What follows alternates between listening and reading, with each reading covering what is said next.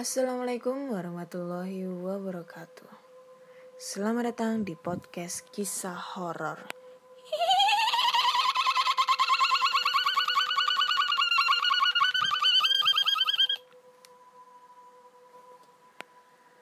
Huh, masih bersama dengan Ana di sini yang akan membacakan cerita horor email berhantu yang sudah dikirimkan teman-teman melalui podcast kisah horor at gmail.com ataupun di DM Instagram podcast kisah horor dan DM Instagram Ana Olive. Ya, seperti biasa, aku akan membacakan cerita-cerita yang sudah dikirimkan teman-teman ya.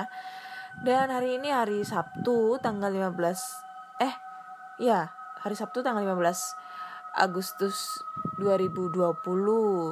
Sebenarnya sih aku ini ya eh, update ceritanya tuh kan hari Kamis kemarin. Tapi berhubung kemarin itu ya ada sedikit kendala aku lagi sakit, asam lambungku naik. Jadi nggak bisa update episode terbaru gitu. Oke, langsung aja kita bacakan ceritanya. Udah ada tiga cerita yang akan aku bacakan. Ini ya. Hmm. Sebenarnya sih tadi itu aku agak sedikit kesel. Tapi ya it's okay lah nggak apa-apa. Jadi ada yang komen di salah satu eh, ada komen di Instagramku di salah satu postinganku bahwa dia itu ngatain aku yang gak banget podcast aku. Ya it's okay aja itu sih nggak masalah ya. Itu bagi aku adalah salah satu eh kritik dan tantangan buat aku agar aku tuh lebih nunjukin jauh lebih baik lagi ya seperti uh, jauh lebih baik dari yang la dari yang lalu-lalu gitu ya. Jadi ya ah bodoh amat. Oke langsung aja kita bacakan ceritanya. Ini cerita pertama datang dari email. Hmm banyak banget email yang masuk anjay ceritanya panjang ya. Oke. Ini gak mau disebutin namanya ya. Ya ntar dulu aku baca dulu. Takutnya nanti aku sa waktu aku salah baca. Oke dia nggak mau disebutin namanya. Ini datang dari email ya. Assalamualaikum. Saya mau menceritakan pengalaman mistis yang dialami oleh saya dan sahabat saya. Sebut saja nama saya A dan sahabat saya bernama S. Pengalaman ini kita alami saat masih sekolah menengah kejuruan di kota Jepara. Pada saat itu, aku sedang menemani si S di rumahnya karena keluarga si S sedang pergi menjenguk kakeknya yang sakit di Semarang. Pada saat itu bertepatan dengan hari Kamis. Saat itu yang namanya cowok, kalau udah ketemu sohibnya pasti ribut. Seperti kucing dan tikus. Itu merupakan hal biasa yang kami lakukan. Sampai azan maghrib berkumandang, kami pun segera mengambil air wudhu dan sholat maghrib dan sholat maghrib. Sesudahnya sholat maghrib, si S pun pergi membeli makanan dan snack. Si S mengajakku, namun aku yang malas karena jalan menuju toko menanjak yang membuatku malas bukan jalannya, tapi apa yang kulihat di jalan saat ke toko karena saya dikaruniai penglihatan yang lebih dari kecil. Ya penglihatan yang lebih. Oke, mungkin semacam kayak six sense ya. Dari kecil keluargaku sudah berusaha menutup mata batinku, tapi selalu gagal dan tak pernah bisa ditutup. Orang pintar yang berusaha menutup mata batinku pun mengatakan bahwa ini sudah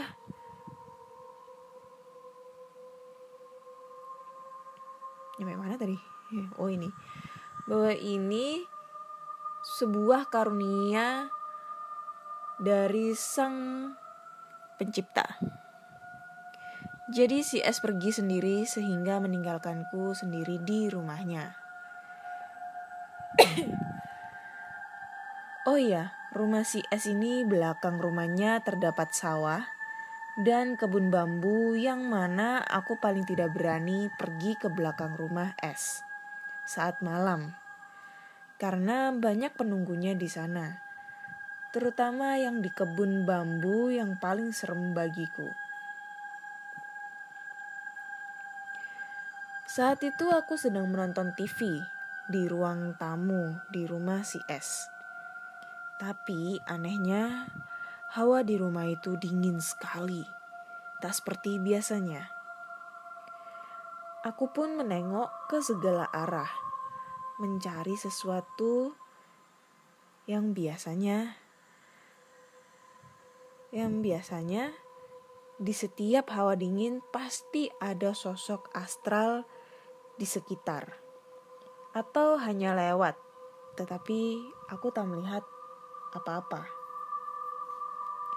Lalu tiba-tiba TV berpindah channel sendiri.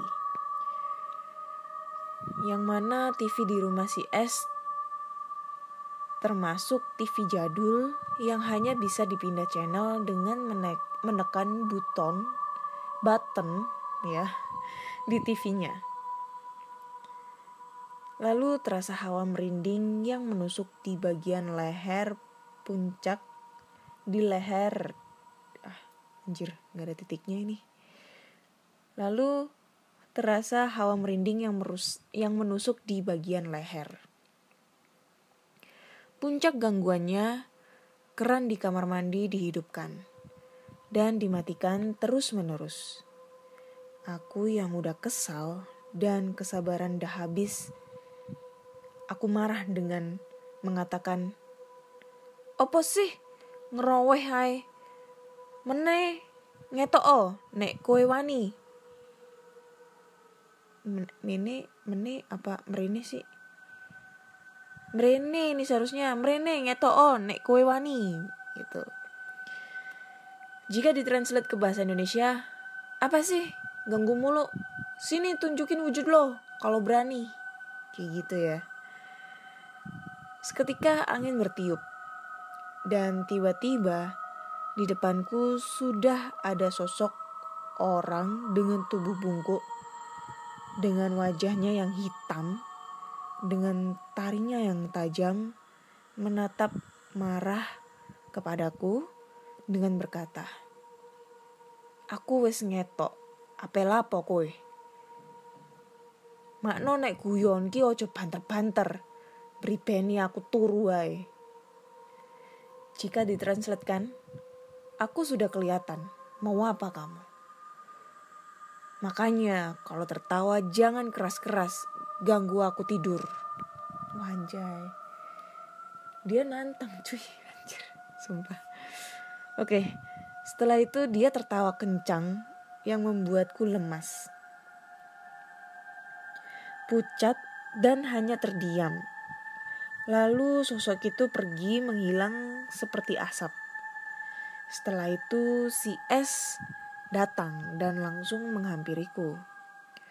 Karena si S mengira aku kesurupan. Karena meski aku bisa melihat mereka, belum tentu aku bisa mengajak ngobrol mereka. Karena setiap aku berusaha berinteraksi dengan mereka, pasti langsung kerasukan. Setelah itu aku pun menceritakan hal tersebut ke si S. Si S pun berkata, Mendinglah kamu cuma diliatin daripada aku ditemenin tidur. itu merupakan salah satu pengalaman mistis saya dengan si S. Masih banyak pengalaman dengan si S yang berkesan tentang hal mistis. Mungkin lain kali aku akan ceritain di saat karya wisata, PKL, dan yang paling ekstrim saat si S disukai jin di rumah barunya. Maaf jika penulisannya agak kacau. Sekian dan terima kasih. Oke, terima kasih buat Mas A ya karena dia nggak mau disebutin namanya ya untuk ceritanya. Wanjay. Berarti ini emang yang sering digangguin itu temennya si S. Tapi si A kena imbasnya karena si A ini Mas A ini punya kelebihan six sense gitu ya jadinya si S ini nggak bisa ngeliat apa-apa perantaranya si A kayak gitu kan. Dan lagian ngapain juga pakai nantang-nantang aduh. Ya kayak gitu ya. Jadi biasanya tuh ya ya walaupun kita itu bertamu di rumah orang ataupun kita datang ke suatu tempat yang mem- yang menurut kita itu asing ya. Ya kalau bisa itu tata keramanya juga dijaga ya dalam hal perkataannya tingkah lakunya atau mungkin ya pokoknya sopan santun lah. Karena setiap tempat walaupun di rumah kalian sendiri itu pasti ada penunggunya gitu kan. Yang udah nungguin sebelum kita menempati tempat tersebut kayak gitu. Jadi ini si A ini nantangin setannya gitu kan. Nggak mau lapo kon? Ngono kan. Nek bahasa Surabaya nek eh kon lapo ya apa tadi? Lapo kon Rene nek, nek wani ngetok kowe. Ngono. Ngetok kon ngono. Aduh. Ya itulah pokoknya. Jadi nantang terus akhirnya dibales dong sama setannya dengan uh, sosok tersebut berbadan bungkuk, warna hitam legam, bertaring, mata merah, anjay. Ber, berbadan bungkuk. Kayak bukan kalau genderuwo bukan ya. Kalau genderuwo itu kan tinggi, gede, besar, berbulu. Kalau ini kan berbadan bungkuk, berwarna hitam legam, bertaring dan matanya merah. Ini sosok apa aku juga nggak tahu ya yang biasanya familiar itu kan genderuwo karena dia berbadan gede, besar, berbulu, berwarna hitam. Habis itu matanya merah bertaring kayak gitu deh. Oke, ditunggu ya Mas A cerita selanjutnya. Ini pasti bakal ada cerita seru-seru lagi nih sama si Mas A ini ya karena ceritanya kayaknya masih banyak banget. Biasanya tuh kalau orang punya kelebihan six sense gitu ya pasti pasti uh, di banyak banget gangguannya. Oke lanjut kita ke cerita kedua. Cerita kedua. Oh salah ini, bukan ini ya. Ini cerita kedua dari oke. Ini singkat, jelas dan padat ya. Selamat malam Kak Ana. Ya, tolong disamarkan namaku ya. Bilang saja aku Anton. Oke, Anton. Aku mau berbagi kisah horor. Sebelumnya, aku bertempat tinggal di Jakarta Timur. Kita mulai ya, Kak. Ini berjudul Jalan-jalan menuju Petaka. Aku lagi jalan-jalan keliling kota sama keluarga. Lagi asik-asiknya jalan, Tiba-tiba sudah malam. Ya, udah malam. Kita lupa waktu. Tapi kemudian mobil aku mogok. Yang mogoknya itu pas banget di jalanan tengah. Di jalanan tengah kuburan lagi. Apes deh aku. Pas banget lagi malam Jumat. Aku jadi merinding nih. Oke, cerita ceritanya maaf kalau ceritanya terlalu singkat. Lanjut, tiba-tiba ada penampakan pocong dan kuntilanak di samping mobil aku. Spontan aja kita kabur dan selamat sampai tujuan. Sudah sampai di sini dulu ya ceritanya. Oke. Okay. ini ceritanya cuma tiga baris guys cuma tiga baris kalimat ya anjay Oke ceri- ceritanya dari Anton ya. Ini dia ini gini ya. Ini aku aku trans apa ya aku jabarin ya ceritanya. Jadi ceritanya itu si Anton dan keluarganya lagi jalan-jalan nih ya. Jalan-jalan sampai mereka itu lupa waktu tiba-tiba udah malam nih gitu kan. Ya mungkin malam atau hampir tengah malam lah. Kemudian waktu itu mobilnya mogok dan waktu mobilnya mogok itu pas banget posisinya ada di tengah-tengah kuburan jalanan tengah kuburan. Ini bisa terjadi loh guys. Soalnya di deket di daerah Surabaya itu ada. Ada namanya kembang kuning ya. The yellow flowers yang biasanya tempat eh, ini bencong-bencong mangkal gitu ya di situ. Ada lagi namanya maka kuburan rangka. Jadi kuburannya itu kalau kita lewat teng kita lewat gitu ya pokoknya itu kalau kita lewat area jalan kem jalan kembang kuning sama eh makam rangka itu ya itu kita ngelewatin jalanan tengah-tengah kuburan gitu. Jadi sisi kanan sisi kiri itu kuburan kalau kalian orang Surabaya pasti tahu lah ini makam ya. Jadi ini mereka ini mobilnya mogok dan mobilnya mogok itu pas berada di tengah-tengah jalanan kuburan gitu kan. Nah terus tiba-tiba ada pas lagi ngotak-ngatik mungkin ya lagi berbaiki mobil tiba-tiba itu mereka ngelihat sosok pocong sama kuntilanak lagi ada di posisi samping mobilnya. Terus secara spontan mereka ngeliat dan kabur gitu aja. Nah kabur berarti mobilnya ditinggal dong. Kan posisinya mobilnya mogok gitu atau mobilnya udah nyala. Kita nggak tahu ya ini ceritanya bagaimana karena ceritanya singkat jelas dan padat banget ya. Singkat tidak jelas dan padat. Lebih tepatnya kayak gitu ya. Jadi kayak gitu guys sih guys ya oke terima kasih ya Anton buat ceritanya. Aku apresiasi banget. Oke lanjut cerita selanjutnya. Wanjay wih ini mah detail banget. Suka aku melihatnya. Oke judulnya adalah astral projection. Oke, dia nggak mau disebutin namanya juga. eh aku sebut namanya siapa ya? Perkenalkan nama saya jangan disebut. eh Ani ya. Aku ganti nama Ani. Perkenalkan nama saya Ani. Saya ingin menceritakan pengalaman yang horor menurut saya. Dari kecil, sering sekali saya mengalami ketindihan atau yang disebutnya erep-erep tapi tidak parah. Puncaknya adalah setelah saya bekerja dan tinggal di kos-kosan.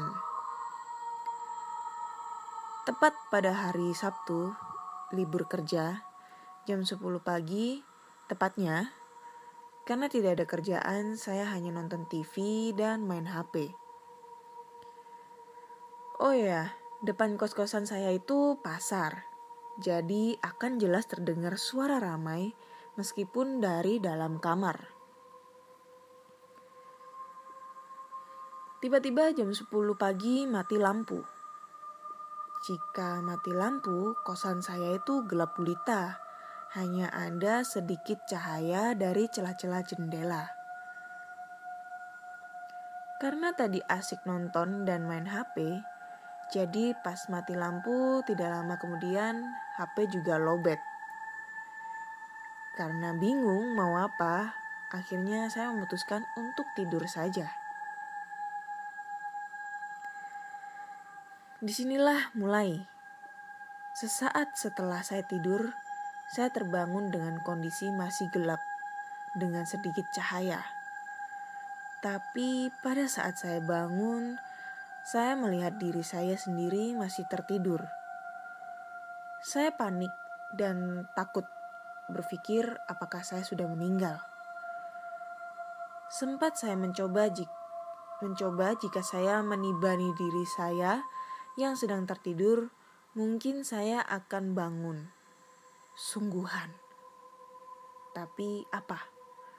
Saya mencoba bangun kembali dan tidak bisa. Saya masih terpisah. Saya coba berulang kali hingga tiga kali tetap tidak bisa. Di depan suara pasar masih ramai. Saya berpikir mungkin saya bisa minta tolong ke orang di luar untuk membangunkan saya. Lalu saya berlari keluar, berharap ada orang yang bisa menolong saya. Tapi tidak ada orang sama sekali di luar. Juga eh tapi di tidak ada orang sama sekali orang sama sekali di luar juga eh di luar eh gimana nih tapi tidak ada orang sama sekali ya gitu maksudnya di luar juga gelap seperti saat tengah malam tapi saya tetap bisa mendengar suara-suara orang di pasar. Terpikir, apa saya coba ke rumah orang tua saya untuk minta tolong. Orang saya, orang tua saya tinggal lumayan jauh, kurang lebih 8 kilometeran. Anjay. Saya kos saya kos agar dekat dengan tempat kerja. Tapi saya urungkan karena saya takut kondisi jalanan yang gelap. Mungkin kalau saya pergi beneran ke rumah ortu pada saat astral projection tadi bisa jadi saya gak akan kembali beneran. Saya kembali masuk ke kamar mendatangi tubuh saya yang masih terbaring sambil doa-doa minta tolong sama Tuhan. Selesai amin, terdengar ada orang buka pintu gerbang kosan. Saya berlari keluar berharap orang itu bisa menolong saya. Benar saja, saya lihat dua orang wanita, mukanya tidak jelas, tapi saya tahu itu wanita. Lalu saya bicara kepada kedua orang itu agar membangunkan saya yang ada di kamar. Mereka setuju dan mau menolong. Hah? Gimana? Masuklah mereka ke kamar saya. Yang saya lihat mereka hanya menyentuh saya dan saya tidak tahu lagi karena saya sudah bangun sungguhan. Kaget, shock, saya menangis. Lalu saya rapi-rapi dan pulang ke rumah ortu saya karena saya terlalu takut. Itulah cerita saya berharap bisa ditayangkan di podcast kisah horor. Terima kasih. Woi, sudah saya tayangkan Mbak Ani ya ceritanya.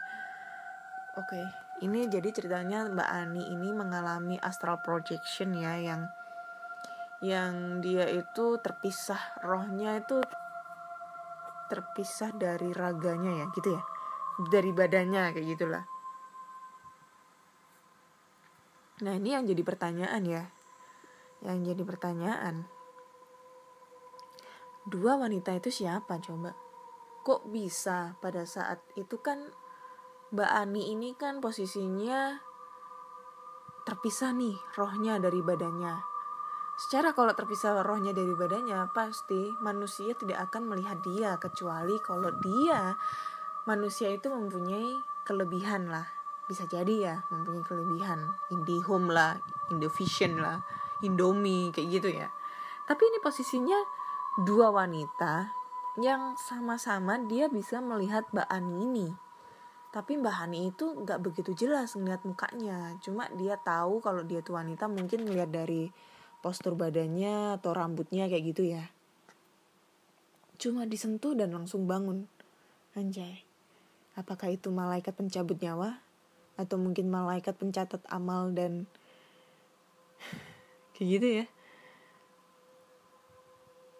Uh, sumpah ini serem ya nggak bisa ngebayangin sama kita ini ini pernah terjadi sama temen aku tapi dia itu posisinya itu memang dalam pernah dalam keadaan sakit dan koma ini temanku kuliah pernah jadi temanku kuliah ini pernah mengalami koma karena dia sakit ya aku nggak tahu pasti ya sakitnya itu apa. Jadi dia tuh punya badan fisik yang lemah dan suka mimisan kayak gitu ya. Kalau kecapean dikit. Dan dia tuh pernah koma selama nggak lama sih dua tiga hari. Kalau mati suri nggak koma ya. Soalnya masih ada denyut nadinya denyut jantungnya itu ya. Cuma posisinya dia tidak bisa bangun gitu kan dia pernah cerita sama aku kalau dia pernah mengalami astral projection. Jadi dia nggak tahu kalau itu namanya astral projection ya. Jadi dia tuh pernah kayak kebangun rohnya itu kebangun. Tapi dia pokoknya dia tuh ngelihat badan dia sendiri lagi terbujur lagi terbujur di atas tempat tidur rumah sakit bed rumah sakit. Dalam keadaan banyak banget selang-selang atau alat-alat peralatan rumah sakit gitu yang nempel di badannya dan pada saat dia keliling-keliling rumah sakit itu dia nemuin banyak banget roh-roh pasien rumah sakit yang ada di situ gitu. Kalau dijadiin film bisa ya tuh anjay. Beneran.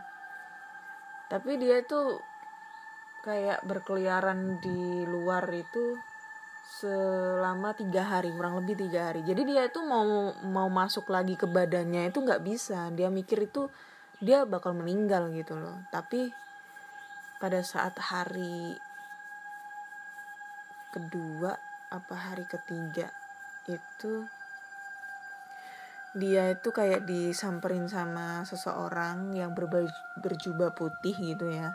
Dan mengatakan ini belum saatnya kamu pergi gitu. Akhirnya dia balik badan. Dan katanya sih ya ini katanya ya pada saat dia itu mengalami astral projection itu dia itu serasa kayak udah lama banget kayak sebulan dua bulan tiga bulan kayak gitu. Udah lama banget. Padahal pas dia bangun dia cuma tidur koma selama tiga hari aja. Itu sih cerita dari temen aku. Emang ya ini serem ya. Nggak nggak bisa ngebayangin kalau seandainya itu terjadi sama kita terus kita itu roh kita tuh terpisah dari badan kita terus tiba-tiba kita nggak bisa balik lagi wancai serem cuy. Oke terima kasih ya buat Mbak Ani ceritanya. Oke lanjut ke cerita terakhir ya karena mungkin cerita dari Mas Anton itu pendek banget. Jadi kita tambah cerita terakhir. Cerita terakhir datang dari ya tidak mau disebutkan namanya lagi. Aduh ini aku kasih nama siapa ya? Inisial aja ya Y gitu ya Hai Kak Ana. Nama aku tidak usah disebutkan ya. Oke. Aku berasal dari kota Sumedang, Jawa Barat. Aku mau membagikan kisahku yang aku alami saat aku masih kecil. Kisahku ini berawal saat aku masih umur 10 sampai 11 tahun. Waktu itu kelas 3 SD. Saat itu aku seperti bocah pada umumnya yang hanya belajar, bermain, makan, dan lain-lain yang layaknya bocah pada umur tersebut. Tetapi ada suatu kejadian yang sangat membuatku teringat sampai usiaku yang sekarang berumur 19 tahun. Kejadian ini berawal pada suatu malam yang seperti malam-malam biasanya yang hanya malam sunyi dan tenang. Aku hanya tinggal berdua dengan ibuku di rumah di rumah karena keluargaku sudah bercerai. Oke.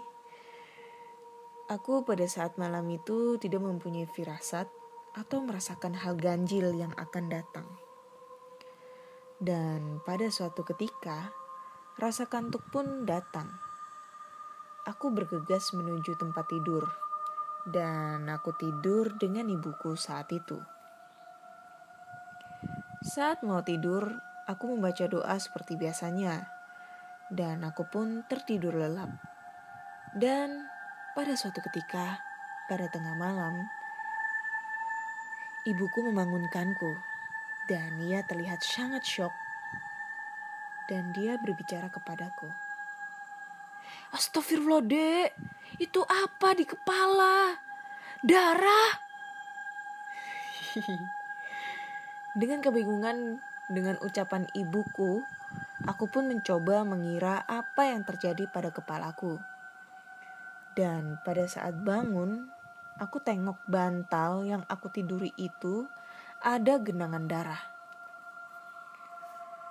Sontak aku pun heran dan bingung karena kepalaku saat itu tidak terluka sama sekali. Dan aku pun tidak merasakan sakit apa pun. Ibu juga mengira itu adalah darah dari tikus buruan kucing peliharaanku. Akan tetapi kami berdua tidak mencium bau bangkai di mana pun dan noda darah noda darahnya pun tidak mengeluarkan bau apa pun. Oke. Lanjut ke pagi harinya. Ibuku masih berpikiran tentang kejadian semalam yang aku alami. Yang anggap itu adalah kejadian mistis.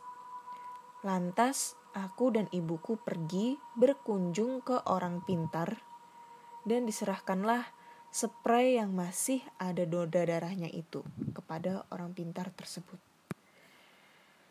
Lantas orang pintar tersebut menerawang dan ia mengatakan sesuatu.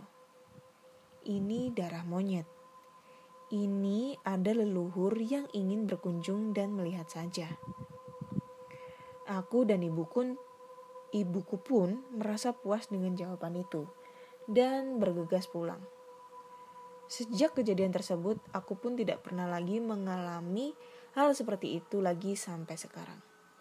Maaf kalau penulisannya kacau dan ceritanya tidak seoror dan semenari yang lain. Oke, semenarik maksudnya ya. Terima kasih. Oke, terima kasih Mas Y ceritanya. Y, Y. Oke. Oh. Darah ada apa ini? Darah monyet. Ini ada leluhur yang ingin berkunjung dan melihat saja. Serem ya. Jadi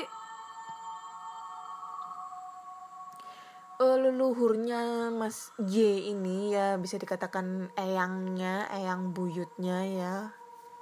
Itu pengen nengokin keluarganya ibu sama Mas Y tersebut. Tapi cara penyampaiannya itu serem ya. Harus harus ada darah monyet kayak gitu ya. Gila. Mungkin kan kalau biasanya ya, kalau biasanya aku tahu biasanya kalau kita ada leluhur kita yang datang pengen jenguk pengen ngeliat pengen nengok kita mungkin dia me, inilah apa kayak mengeluarkan suara kayak gitu atau mungkin diliatin sosok bayangan atau mungkin ada ada apa ya ada sesuatu hal-hal ganjil mungkin dari segi sosok atau apalah kayak gitu ya. Tapi ini beda ini darah cuy.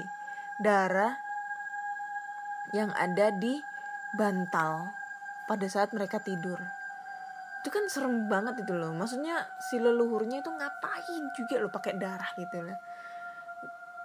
Kita kan jadi berpikir yang parno gitu ya. Walaupun mungkin Mas Y dan ibunya oh oke okay, tenang. Ternyata leluhur yang pengen nengokin kita. Tapi kan penyampaiannya itu kan serem gitu loh aku mah mending mending dikasih suara-suara gitu aja atau di diliatin sosok gitu daripada harus kita ngelihat darah gitu bukan bukan fobia sama darah sih ya tapi ya kalau kita ngelihatnya itu kayak aduh serem banget kayak gitu gak bisa ngebayangin lah oke okay? Oke udah empat cerita yang udah aku bacakan ya Pertama cerita dari mas Siapa tadi? Cerita pertama dari ini Andri ya ini yang nggak mau disebutkan namanya semua ya. Jadi udah empat ada empat cerita.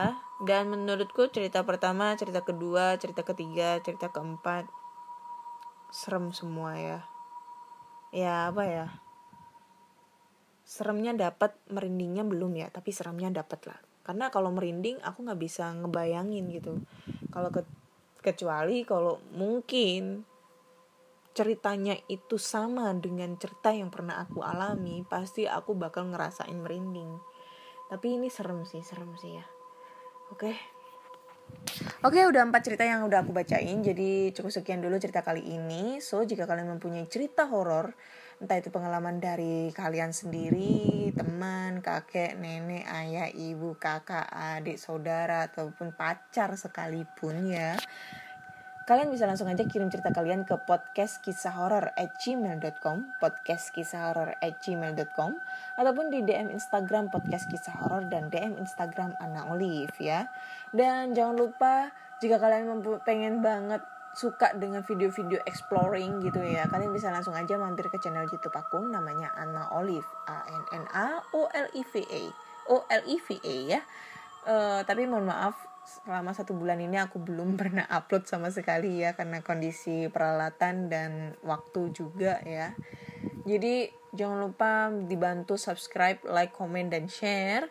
Dan podcast kisah horor kali ini sudah eksklusif di Spotify Google Podcast Apple Podcast ataupun di Anchor. Sebenarnya sih banyak banget ya eh, platform yang menampilkan podcast kisah horor. Ada sekitar 8 sampai 10 platform tapi aku nggak tahu. Karena kebanyakan mayoritas eh, podcast aku udah paling banyak itu dengerinnya lewat Spotify ya gitu lebih alternatif ke Spotify. Oke jangan lupa klik tombol follow agar kari- agar kalian selalu update tentang cerita-cerita horor terbaru oke? Huh. oke dinantikan eh, cerita-cerita dari kalian kiriman-kiriman dari kalian. Aku nantiin dari sekarang agar aku bisa berbagi cerita atau menceritakan bareng sama teman-teman yang lainnya oke? Terima kasih. Nantikan di episode berikutnya selamat malam